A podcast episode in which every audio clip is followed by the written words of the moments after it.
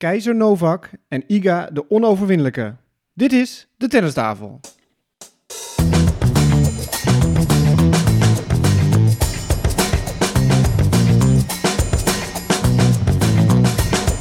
Please take your seats quickly, ladies and gentlemen. Thank you.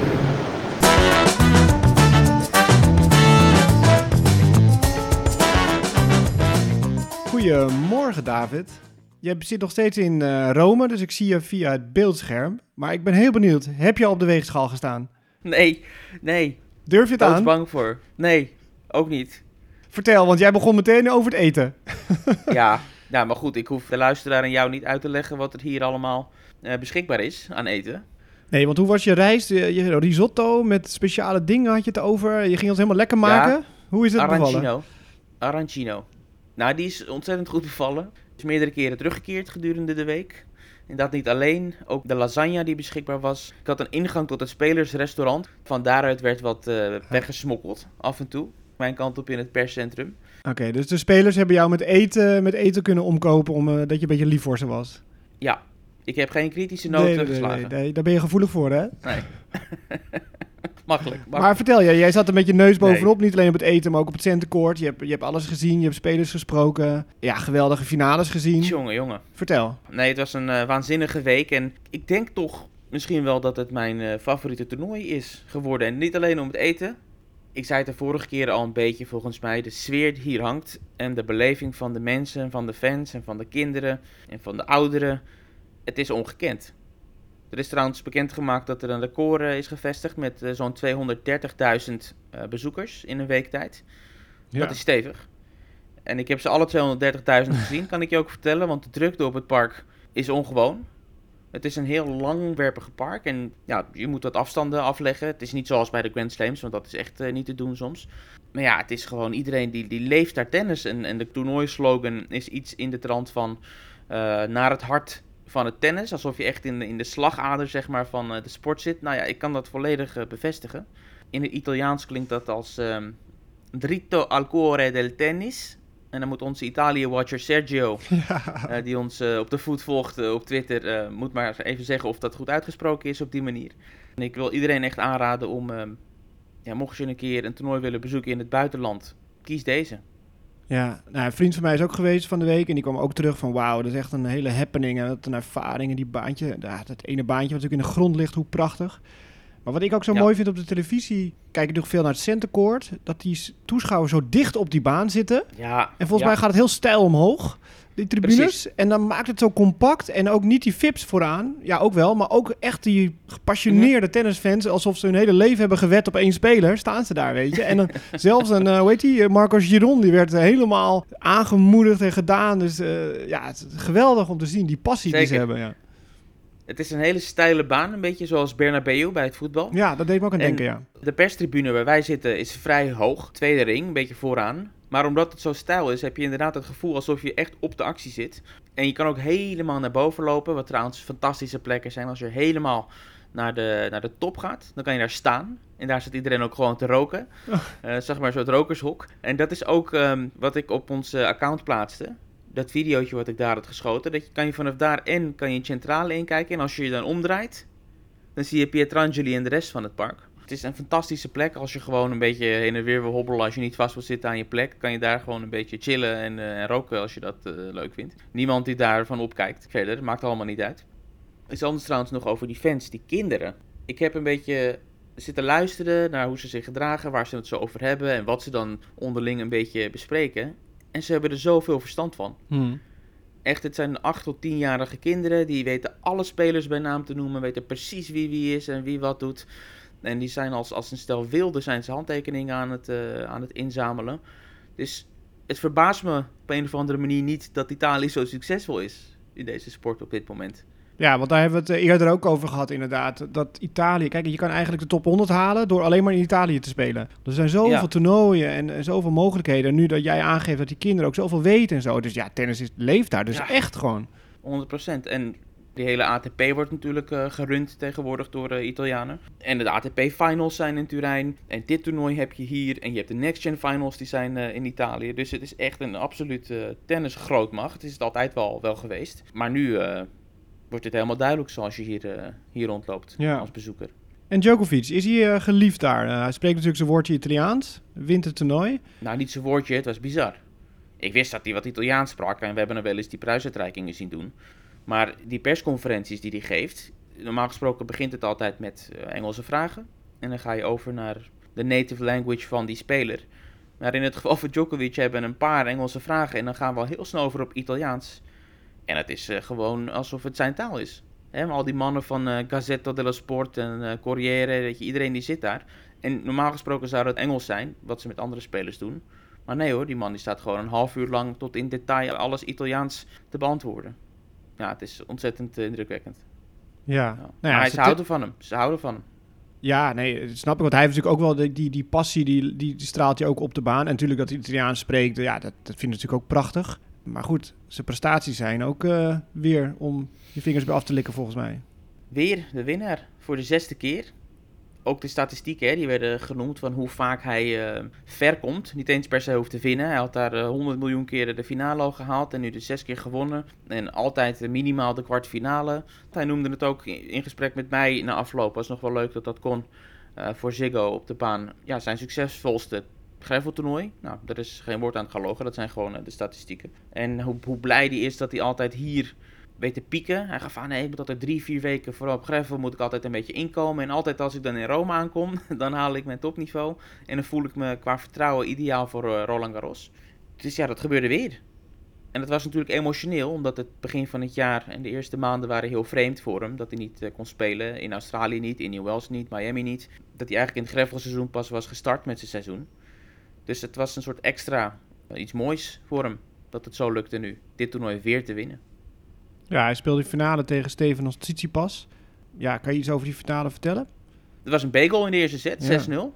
En toen eh 7-6. Tsitsipas die, eh, die kwam in de tweede set heel goed terug. Kwam een break voor, maar raakte dat aan het einde kwijt. En uiteindelijk in de tiebreak, ja, zet ik ook mijn geld in op eh, Djokovic als het moet. En dat gebeurde ook weer. Maar ja, de eerste set was, was die ongenaakbaar zoals die eigenlijk eh, het hele toernooi is geweest. Geen set verloren. En ook eh Tsitsipas was niet opgewassen tegen dat geweld. Maar zijn mooiste pot was misschien tegen Felix Auger Aliassime. Echt een vechten, dat hij die vechter weer naar boven Ja. kwam. Vechten kwam naar boven, was, eh, was close, heel veel mooie punten, lange rallies. En ook Felix die haalde echt een heel goed niveau. Het was hun eerste ontmoeting, wat misschien wel een beetje, beetje raar is, toch? Want Ja. Felix die doet al een aantal jaren mee. Is natuurlijk pas 21, dus aan de andere kant misschien ook weer niet heel vreemd. Dat was een hele mooie wedstrijd, maar ja, hoe mooi ook, Djokovic heeft geen set verloren, ook tegen Felix niet. En hij is gewoon eh, de beste. Ja, hij is natuurlijk wel, kijk, fris, helemaal fris natuurlijk. En nu heeft hij het vertrouwen ook weer op het gravel. Dus ja, Ja. maakt hem natuurlijk levensgevaarlijk. En er hing nogal wat eh, aan het lijntje, hè? want als hij geen halve finale zou halen, dan was hij zijn eerste plek op de wereldranglijst kwijt aan Medvedev. Ja, maar daar wordt hij niet zenuwachtig van. Nee, maar wel misschien geprikkeld, juist gestimuleerd van, zeg maar. Ja, misschien wel. Maar, maar druk of zo, dat, de rest is gewaarschuwd, wil ik eigenlijk eh, zeggen. Want Djokovic die zei het ook deze week weer. Wat ik aan het begin van het jaar heb meegemaakt met dat hele Australië en deportatie en noem maar op. Dat is onvergelijkbaar qua eh, stresslevels en qua druklevels wat ik ooit in mijn leven gevoeld heb. Dat heb ik nu achter me liggen. Hij vindt niks meer spannend na dat. Ja. Hij is de beste en ik had het al een paar keer gezegd, ook in de voorgaande podcast, ook in combinatie met Alcaraz en zo. En dat mensen nu meteen, eh, Alcaraz gaat alles winnen en Roland Garros is voor Alcaraz.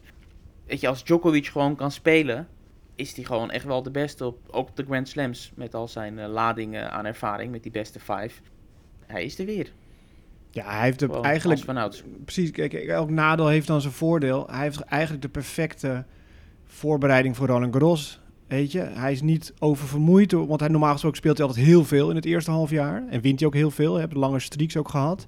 En nu heeft Ja. hij natuurlijk lang niet gespeeld, maar op gravel weer begonnen matig, maar stap voor stap steeds beter. En nu heeft hij het vertrouwen, de vorm en, en zijn lichaam is natuurlijk nog helemaal vers. Voor mij echt de absolute topfavoriet voor Roland Garros. En daarbij moeten we kijken wat er met Rafa Nadal aan de hand is. Voor mij is hij ook absoluut de topfavoriet. En eerder in het gravelseizoen, weet je dat nog, in Belgrado, dat hij zo moe was steeds in die Ja. derde sets. Dat is verleden tijd. Ja. Hij heeft het helemaal uit zitten leggen. Hij zegt dat dat echt te maken met een ziekte die ik had. Ik heb een eh, fitnessweek eh, ingebouwd eh, daarna. Ik geloof tussen Belgrado en Monte Carlo. Tussen Monte Carlo en Madrid, een van de twee. En ik ben fysiek top. Ik ben mentaal top. Ik ben qua vertrouwen top. Hij gaat er helemaal voor.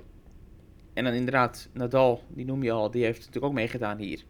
Daar eindigde het een stuk minder rooskleurig voor. Want hij maakte zijn wedstrijd tegen Dennis Shapovalov wel af in de kwartfinale. Maar dat was duidelijk dat daar eh, weer van alles eh, mis was eh, met die voet. Waar hij eigenlijk altijd al mee kampt. En waar zeg maar de, de pijnlevels variëren. Want hij heeft al meerdere keren gezegd, dat heb ik altijd, die kwaal. Ik ben iemand die leeft met een blessure. Ik ben niet geblesseerd, was de Ja. manier zoals hij het uh, verwoordde. En dat speelde weer op. Althans, dat, dat bereikte weer een soort pijnniveau. Wat echt wel problematisch is. Ja, maar hij had het natuurlijk ook richting Australian Open. Nou, we weten allemaal wat daar gebeurd is. Iets onwaarschijnlijks in zijn, eh, in zijn woorden. Zou dat op Roland Garros weer kunnen gebeuren? Ik denk, al, als hij meespeelt, dan, dan kan hij het winnen. Hè? Of hij speelt niet. Ik denk dat, je, Dat is doorgaans wel een Nadal ding. Ja, Ja, als, hij, als hij meedoet, dan denkt hij dat hij goed genoeg is of fit genoeg is om te winnen. Ja. Anders strekt hij de zeker eruit. Maar ja, dat zal de komende week natuurlijk de topic nummer 1 zijn. Eh, Nadal wel niet de, eh, in eh, Parijs. Nou ja, donderdagavond is de loting. Dus dan gaan we ervan uit dat hij voor die tijd wel een beslissing heeft gemaakt. Ja, ik hoorde al dat hij in Parijs arriveert aanstaande woensdag. Nou ja, goed. We, we gaan zaterdag de preview voor Roland Garros opnemen. Dus dan zullen we het daar uitgebreid bij stilstaan. Maar nog even verder over Rome. Over Roma, over Djokovic nog wel één ding. Die prijsuitreiking was heel leuk, omdat hij over zijn zoon begon. Toevallig was gisteren ook de eerste overwinning van zijn zoon in Servië bij een uh, tennistoernooitje. En dat eh, deelde hij dus eh, samen en dat vond hij geweldig om, om te vertellen. Het gaat om zijn zoon eh, Stefan, die is zeven jaar. Die had ook zijn eerste successen geboekt en dat was gewoon een leuk moment. En ja, die zoon die schijnt helemaal doldwaas eh, te zijn van de sport. En dat, dat doet hem ook goed. Djokovic, hij zegt ik push hem niet hè, om, om te gaan tennissen. Maar hij is er zo dol op en Ja. hij is er zo verliefd op het spelletje. Dus dan hebben we 1002 overwinningen voor de familie Djokovic. ja, precies. Ja, je noemt het al. Hij had de duizend eh, overwinningen nadat hij de halve finale won. eh, Djokovic tegen Ruud. En kreeg toen de lelijkste taart eh, ooit gebakken. Ja, Het was echt een schande. tiramisu? Nee, het was gewoon een hele grote taart, maar ja, dat zag er echt niet uit. Die 1, die, die, dat leek op een 7 of op een cijfer dat niet bestaat. En ik had het al met andere Italiaanse journalisten, die hadden al met de handen in hun haren van... Oh, wat is dit toch voor een rommelige eh, organisatie. Dat ze dat overduidelijk last minute allemaal in elkaar hadden gezet. Terwijl, ja, je weet natuurlijk al eh, lang Ja. dat dit gaat gebeuren. Ja. Ja, of dat die kans groot is. Toen hadden ze op het laatste moment een uh, foeilelijke taart in elkaar gezet. Moet je maar eens opzoeken. Ja. Dus Ruud, ja, Ruud gaat er ook nog de boeken in als eh, hè, de duizendste slachtoffer van eh, Djokovic. Ja, en hij komt in een rijtje, hè, zoals altijd. Hij is niet de eerste die dat doet. Natuurlijk Lendl en Federer en Nadal. En eh Connors, niet te vergeten. Ja, die zijn allemaal boven Dus, hem eh, nog. Djokovic eh, de nummer 5 in dat rijtje. Ja, en dan in de finale 1001. Dus dat Ja. is, een, is een mooi rond getal. Heen en terug. ja. Nou, Ruud noemt het wel kort. Halve finale gehaald. Dat is ook de band die eh, van Botik won. Hij heeft de code gekraakt, eh legde hij hem voor, toch? Casper Ruud. Precies. In de eerste set niet trouwens, want toen werd hij helemaal schil gespeeld, de Noor. Maar daarna donderde het spel van eh, Botik gewoon helemaal in elkaar en ging Ruud daarentegen heel erg goed spelen. Dat was op dat verschrikkelijke Grandstand eh, stadion. Dat rare bouwwerk wat totaal niet eh, past bij de rest van het klassieke park. Nou, ik, ik had het idee dat de verlichting of zo, dat het daar iets mee te maken had. Dat, hij- dat hij het niet meer goed zag, bood ik. En ja, en als hij in die spiraal zit, ik ga me ergens aan ergeren, dan vindt hij dat volgens mij heel moeilijk om eruit te komen. Nee, het was... hij, hij vocht wel tot het einde, weet je, ook toen hij, toen hij echt achter kwam te staan. Het was niet dat hij de handdoek gooide of zo. Maar inderdaad dat hij wel links en rechts eh, zich aan eh, van alles ergerde, weer boos werd. Op zichzelf eh, waarschijnlijk eh, grotendeels. Maar ja, ik vond het een onverklaarbare gang van zaken. Want Ja. weet je, hoe kan je zo goed spelen in de eerste set... en vanaf punt 1 in de tweede set sloeg hij meters uit, af Ja, en toe. Ja, dat, dat Totaal ging- geen controle meer. Precies, die drie games gingen echt heel rap tempo de andere kant op. Ja, En het leek wel of, Ja. of, of hij dan nog meer ging forceren of zo, bood ik. En dan geërgerd raakte, dan nog meer harder wil slaan of nog meer het risico ging nemen of zo. En dat pakte heel veel slecht uit. credits aan, eh, aan Ruud, die ontzettend eh, vast was en zelf heel agressief ook ging spelen. En ja, Potik zei het zelf, hè. Ik moet er maar niet van uitgaan dat ik eh, elke keer van iemand als Ruud win. Nee. Ja, zo zag het er toch wel uit in die eerste set. ja, daarvoor had hij natuurlijk ook al twee keer gewonnen. Kan, ja. ja. Ja, Ja. ja. Maar Dus wel belangrijke zonde. puntjes, wel belangrijke punten weer voor, eh voor Botik. Want eh, ja, jij gaf het net al aan voor de podcast. eh, hij is nu 28e geplaatst straks op Roland Garros. Ja, dat zag ik eh, op een lijstje voorbij komen. Als er niks verandert nu meer, wat natuurlijk wel kan, hè, dat er nog mensen zich terugtrekken of geblesseerd raken, dan is die volgens mij 28ste geplaatst in Parijs. Nou ja, dat was ook zijn doel voor dit jaar. Eh, het eerste half jaar. eh, een geplaatste status eh, op Roland Garros. En dat scheelt behoorlijk, hè? Dan kan je dus de eerste twee rondes in ieder geval niet een geplaatste speler eh, loten. Ja, kan hij in de eerste ronde tellen loten. Dat, eh, Zo'n gevoel heb ik. Dat zei ik ook inderdaad eh, toen ik je net sprak. van, ik heb zo'n gevoel ja. dat zij elkaar gaan loten. Dus ik, ik kan maar beter uitspreken dan dat ik het achteraf zeg. Ja, kans is natuurlijk klein, Ja. maar ja, ik heb zo'n raar voorgevoel. Nou goed, Botek speelt deze week niet. Tel hem wel. Die is in Genève al begonnen. Heeft al een rondje gewonnen van Tommy Paul. Dat was een, was een mooie overwinning, maar Tellen had in eh, Rome natuurlijk ook en ander eh, gedaan. Door die kwalificaties gekomen en toen verloren van eh Baez van 1,10 meter. Ja, Eh, waanzinnige speler wel hoor, moet ik zeggen. Ook zo als je dat van dichtbij zo zit te bekijken. Echt heel veel respect voor hoe die man speelt. Ook op het gravel vooral. En die gaan we wel terugzien, want die staat ook al best wel hoog. We noemden ook al trouwens die speler waar Griekspoor van had gewonnen in de kwalificaties. Die Giron, dat hij als lucky loser in het hoofdtoernooi kwam. Dan zie je die, die man gewoon helemaal doordringen tot in de derde ronde. Als Ja. lucky loser zijnde. Die wint van Bublik, die wint van Schwarzman notabene. ja. En als Tellen zijnde lig je er dan uit in die eerste ronde. Terwijl je die man eigenlijk zonder enige moeite weet te kloppen. ja wat geen gravelspeler is. Ja. Nee, helemaal niet. Nee. Helemaal niet.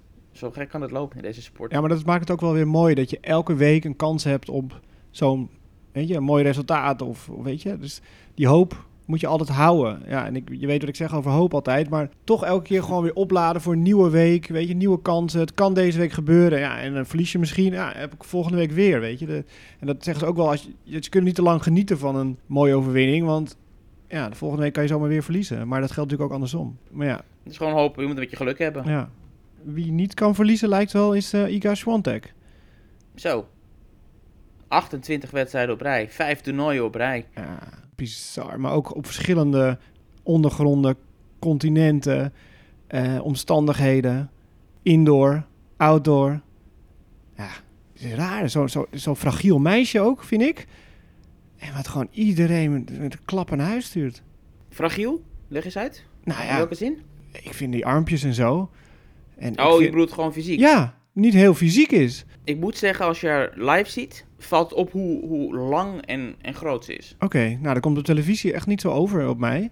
Ja. Maar echt indrukwekkende sets dan ook. ja, gewoon geen kind aan tegenstanders. De enige die een beetje in de buurt kwam was eh, Bianca Andrescu. Waar ik persoonlijk heel erg blij mee was. Want ik had heel veel hoop dat zij het heel goed zou doen. En dat zij eh die Triontek lastig kon maken. Nou, dat lukte in de eerste set heel goed.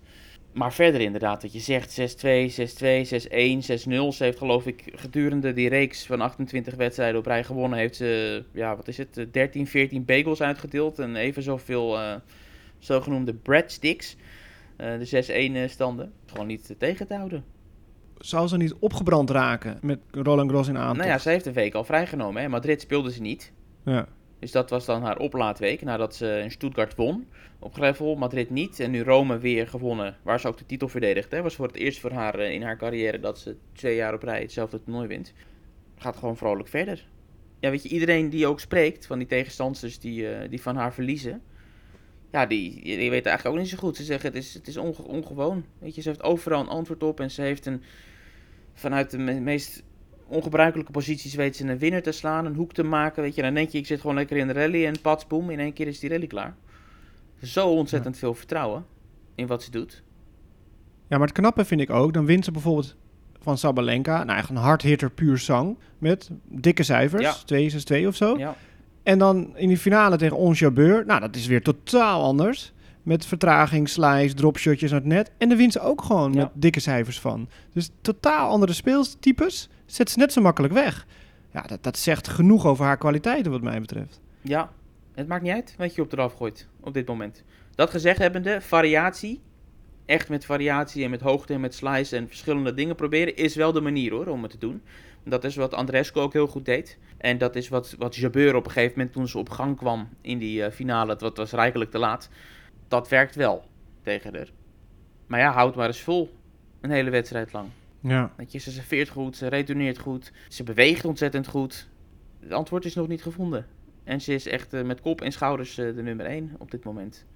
Terwijl Jabeur trouwens, hè, die was op haar beurt bezig aan een hele mooie reeks. Ze had elf wedstrijden op rij gewonnen. Dus dat was wel echt iets iets moois, weet je. Dat je in de finale van Rome heb je twee speelsters die, eh, die aan zo'n reeks bezig zijn. Zeldzaam, hè. Jabeur die speelde ook nog de finale in Charleston op gravel. Dus we kunnen wel echt duidelijk stellen, de nummer 1 en 2, misschien niet op de ranking, maar de nummer 1 en 2 op dit moment, op deze ondergrond, zijn Sviontek en Jabeur. Ja, nou, laten we hopen dat die eh, in verschillende secties zitten van eh, Roland Garros straks. Dat we daar misschien een mooie finale gaan krijgen. Ja, Jij sprak Jabeur nog. ja, Een leuk mens. ja, heel leuk. En ze heeft gewoon ontzettend veel eh, respect ook voor, voor iedereen, maar ook voor, eh voor Sviontek. En eh, ze had het deze week ook over dat zij de co-piloot is. Omdat zij ook bezig is aan zo'n aan zo'n reeks en dat, dat Sviontek dan de piloot is. En ze noemde die finale, de finale beschreven ze als, ja, het vliegtuig waar we in zitten met z'n tweeën gaat crashen. En er is maar één parachute, dus we gaan kijken wie, wie die pakt. en nou, dat was Sviontek. het is ontzettend leuk. Het is altijd zeer ontspannen met haar. En weet je, dat is wel interessant dat je dit aankaart. Er is een heel duidelijk verschil tussen bepaalde speelsters die mediamomenten aangrijpen om het gewoon leuk te hebben, om te genieten, om geen spanning of zo, onnodige spanning erbij te halen, om het gewoon ervan te profiteren als het ware, die mediamomenten. En dan heb je daarnaast heb je weer spelers en speelsters die zijn zo ontzettend gestrest. En als er een vraag gesteld wordt, dan zie je die ogen helemaal van... Oh, als ik hier maar zo snel mogelijk eh, vanaf kan. En je maakt het jezelf zo moeilijk. Weet je, alsof Mhm. wij erop uit zijn om iedereen te, iets Tackelen dingen te verwijten of te tackelen of zo. is het totaal niet. En als je dan ziet hoe zo'n zo'n jabeur ermee omgaat, leer daarvan, zou ik willen Mhm. zeggen. Ja. Ja.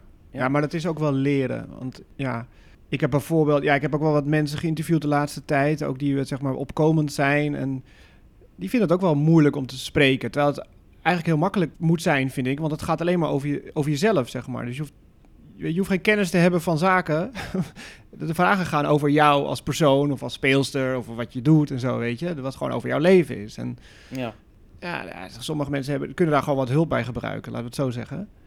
Je moet het wel in je hebben. Dat je zo makkelijk daarmee om kan gaan. Weet je, als het niet je persoonlijkheid is om een beetje te dollen, dan, Ja. dan is het natuurlijk makkelijk en dan moet je een hele act opvoeren. Maar ja, het is gewoon opvallend. Want je maakt het Of het jezelf niet, zo moeilijk. Ja, of het niet willen of zo. Je kan natuurlijk ook zeggen van, ik wil niet mijn ja, leven of mijn persoonlijkheid op tafel leggen, weet je. Ik hou dat graag voor mezelf. Dat, dat is- mag natuurlijk ook. Ja. Ja, maar dan moet je ook niet verbaasd zijn als er geen, geen leuke berichten, dat er geen mooie artikelen over jou verschijnen. Weet je, een, een heel goed voorbeeld is eh Anisimova. Nou, dan kan je met z'n allen je best doen om daar iets uit te, te trekken. Onmogelijk. Zeg niks. Zeg niks. Nee, nee. Gewoon heel Ja. snel antwoorden, heel snel klaar en, eh, en door. Maar dat zie je ook op de baan terug, hoeveel stress eh, ze heeft. Weet je. Het is gewoon niet, niet, bijna niet leuk om, om te zien. Het is Mhm. elke keer weer een hele zware bevalling, zo'n wedstrijd. Ja. Ja, nou ja, goed. Zijpad. Ehm, wilde ik nog wat over ons zeggen? Ik wil zeker nog wat over eh, ons zeggen. Dat zij natuurlijk die finale wel haalden, maar via twee ongelooflijke ontsnappingen. Want in de halve finale had eh Kasatkina had matchpoint. En in de kwartfinale stond ze 6-1, 5-2 achter tegen Sakari. Die volledig instortte. 6-1, 5-2 hè. Serveerde twee keer voor de wedstrijd. De Griekse totaal eh, van het pad af vanaf dat moment. Ook Jabeur, die heeft wel een beetje iets onoverwinnelijks. Totdat Ja. ze echt de, de onoverwinnelijke treft. In de persoon van Iga. Nou, dan denk ik dat we Rome wel uitgebreid hebben behandeld. Of heb jij nog dingetjes dat je zegt van dat... Maar ja, we hoeven niet elke wedstrijd en elke speelster denk ik eh, door te nemen. We kunnen nog noemen, bij de mannen trouwens nog, dat Tsitsipas vond ik wel opvallend. Dat hij nu bij alle grote graveltoernooien tenminste de finale heeft behaald een keer. Hè? Want hij had natuurlijk vorig jaar al een crossfinale. Hij had Madrid al een keer de finale gehaald en Monte Carlo een paar keer gewonnen. En Rome was het ontbrekende eh, onderdeel van dat kwartet. Dat heeft hij nu ook gehaald. Dus dat, eh, dat geeft ook weer iets aan over zijn, eh zijn gravelkunsten. Ja, zeker, ja. Nou, wat Dus ik mooi hij- vond, wat ik nog wilde noemen, is die tweeling op de baan. ja, de korte en de lange. Wat was het nou? Isner Man? ja, dat was natuurlijk een mooie stunt. eh, Volgens mij van kledingmerk Villa. Diego Schwartzman een dubbel met John Isner. De kleinste Ja. man met de langste man. Ja, En ze halen gewoon finale. En, en, en volgens mij verloren ze nipt ook nog die finale. ja, Maar dat, dat is ook wel weer het geweldige van tennis natuurlijk. Dat dat, dat, dat gewoon kan, hè. Dat je, dat je niet een bepaald soort fysiek moet hebben om, om goed te kunnen spelen. Want die kleine Ja. Jongen, dat was, is natuurlijk fantastisch met het rappe voetenwerk. En dan heb je die, die lange Isner die gewoon half court eh, met zijn reach gewoon alles kan halen, bij wijze van spreken. En het Ja. mooiste vind ik dat die Easter, die wilde dan steeds een soort eh, chest bump doen. die kleine. maar die kopt zijn navel steeds, weet je. ja. oh, prachtig. Ja, Ja. echt een mooie stunt. En zeker op social, al die foto's en filmpjes. Ja, geweldig. Nou ja, maar het bleef niet bij een stunt, hè? Want Isner heeft geschiedenis geschreven. Ook Nou ja, hij is de inderdaad. eerste man ooit die met drie verschillende partners in hetzelfde jaar Masters 1000 finales heeft gehaald. Hij deed Ja. het eerder al met Sok en hij deed het al met Hoerkatsch volgens mij. Hoerkatsch en dan nu Schwarzman erbij. Ja. Ja, knap. Nee, ja, hij dubbelt, eh, hij dubbelt als een dolle. Won in Indian Wells en Miami. En nu weer finale hier. Ook voor Nederlanders hè, in de dubbel trouwens. Koolhof speelde en Matwee speelde en eh Royer speelde. Koolhof met Skupski, die, eh, die wonnen eerst volgens mij van Royer en Ja. Aravalo. En de volgende ronde van eh Middelkoop en Bopana. Ja. en daarna ging ze zelf onderuit. Tegen uh, Pavic en Mektic. En Demi Schuurs. Natuurlijk nog in het dubbelspel.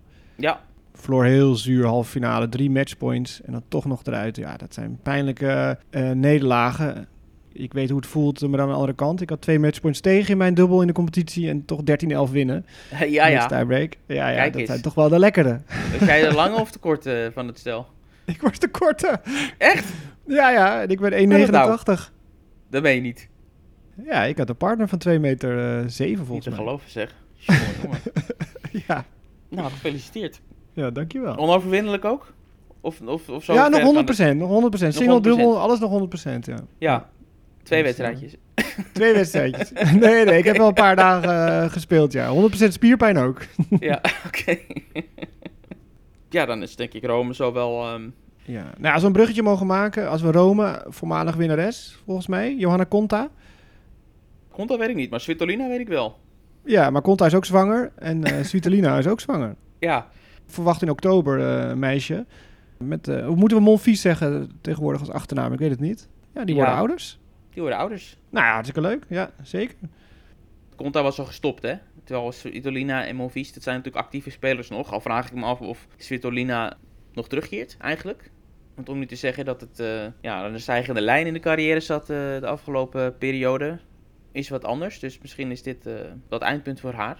Maar dat gaan we allemaal zien. Ja. Wat ik ook wel eh, leuk buiten de lijnen nieuwtje vond, is eh, Dustin Brown. Ken je hem nog? Ja, ja. Die baltovenaar met zijn rasta haren. En eh, Mhm. daar stond altijd een, eh, een Duits vlaggetje achter zijn naam. Terwijl hij er niet heel Duits uitzag. Eh, hij is daar geboren, maar hij is nu, speelt nu voor Jamaica. Ja, Voor dat land van zijn vader. Dus dat een soort Ja. eerbetoon aan zijn vader. En ja, hij ziet er natuurlijk ook als een rasta uit. Ja, Geweldige speler. Ja, op Wimbledon hebben we natuurlijk eh, enorm van hem kunnen genieten dat hij daar in de spotlight stond. Met zijn service volley en dropshots en dingen. ja. En, eh, dus nu hebben we een speler uit Jamaica erbij. Maar goed, die staat op de ranking ergens Ja, waar je hem kan 400 zien. nu. Ja. Nee, dat klopt. Maar goed, eh, hij speelt Ja. nog steeds. Ander nieuws was dat het deelnemersveld van Rosmalen is bekend. Helemaal gereed nu? Nou ja, we hebben nog wat wildcards die nog komen en natuurlijk kwalificatie. Laten we beginnen bij de mannen. We hebben natuurlijk Medvedev, Ja. grote naam. Felix Auger Aliassime, Marin Cilic, Tommy Pol. Ja, ja. Ja, de man met, ja, Taylor Fritz, over mannen met twee eh, voornamen gesproken. is, er, is er ook bij. En natuurlijk Tellen en, eh en Botik. Het zijn zomaar eh, wat namen die in die lijst staan. En bij de vrouwen hebben we denk ik echt een heel sterk deelnemersveld. Nou ja, ik vond die man al sterk. Ja, Arina Sabalenka. Nou, daar ben ik natuurlijk hartstikke blij mee. Ja, van harte. Ik vind het leuk dat ze naar me toe komt. Ja, Ja. ja, wij gaan altijd naar haar toe. Nu komt ze een keer naar ons toe. Dat vind ik ook wel leuk. Ik denk dat ze luistert. Danielle Collins voor de eerste keer erbij. Top 10 Ja. speelster. Ja, Belinda Bencic, Rybakina, Pavlyuchenkova. Nou, heel veel Ova's. Kudermetova, Alexandrova. Ja, dat wordt nog wel pikant. We hebben Jastremska, Oké. Oekraïense speelster. Nou, geweldig. qua ranking, eh, ja, echt eh 5 uit de top 20. Dus dat is een goed niveau. Ja. Ja, Kasatkina. Nou ja, dat was het nieuws wat eh, vorige week eigenlijk al naar buiten kwam. maar Dat was na onze eh, podcastopname. Ja, leuk. Kijk er naar uit. Ja, nee, en de Roland, eh, Roland Garros kwalificaties zijn begonnen. Met Nederlanders. Jesper de Jong, Tim van Rijthoven. Suzanne Lamens gaat haar debuut maken. Ariana Hartono voor de eerste keer in Parijs voor de kwalies. En Leslie Patinama Kerkhoven. En good old Richel Hogekamp. Ik ga vrijdag pak ik de Thalys richting Parijs. Dan nemen we zaterdag nemen we de preview op. En dan gaat het feest beginnen. Kijk er enorm uit. Nou David, ik wens jou nog een eh, fijne laatste dag in Rome. Volgens mij ga jij nog een, eh, een toertje doen eh, als toerist. Ehm rest mij iedereen te bedanken voor het luisteren. En volg ons op de socials, de tennistafel. En eh, zaterdag zijn we er weer met een nieuwe aflevering en de voorbeschouwing op Roland Garros. Tot volgende week.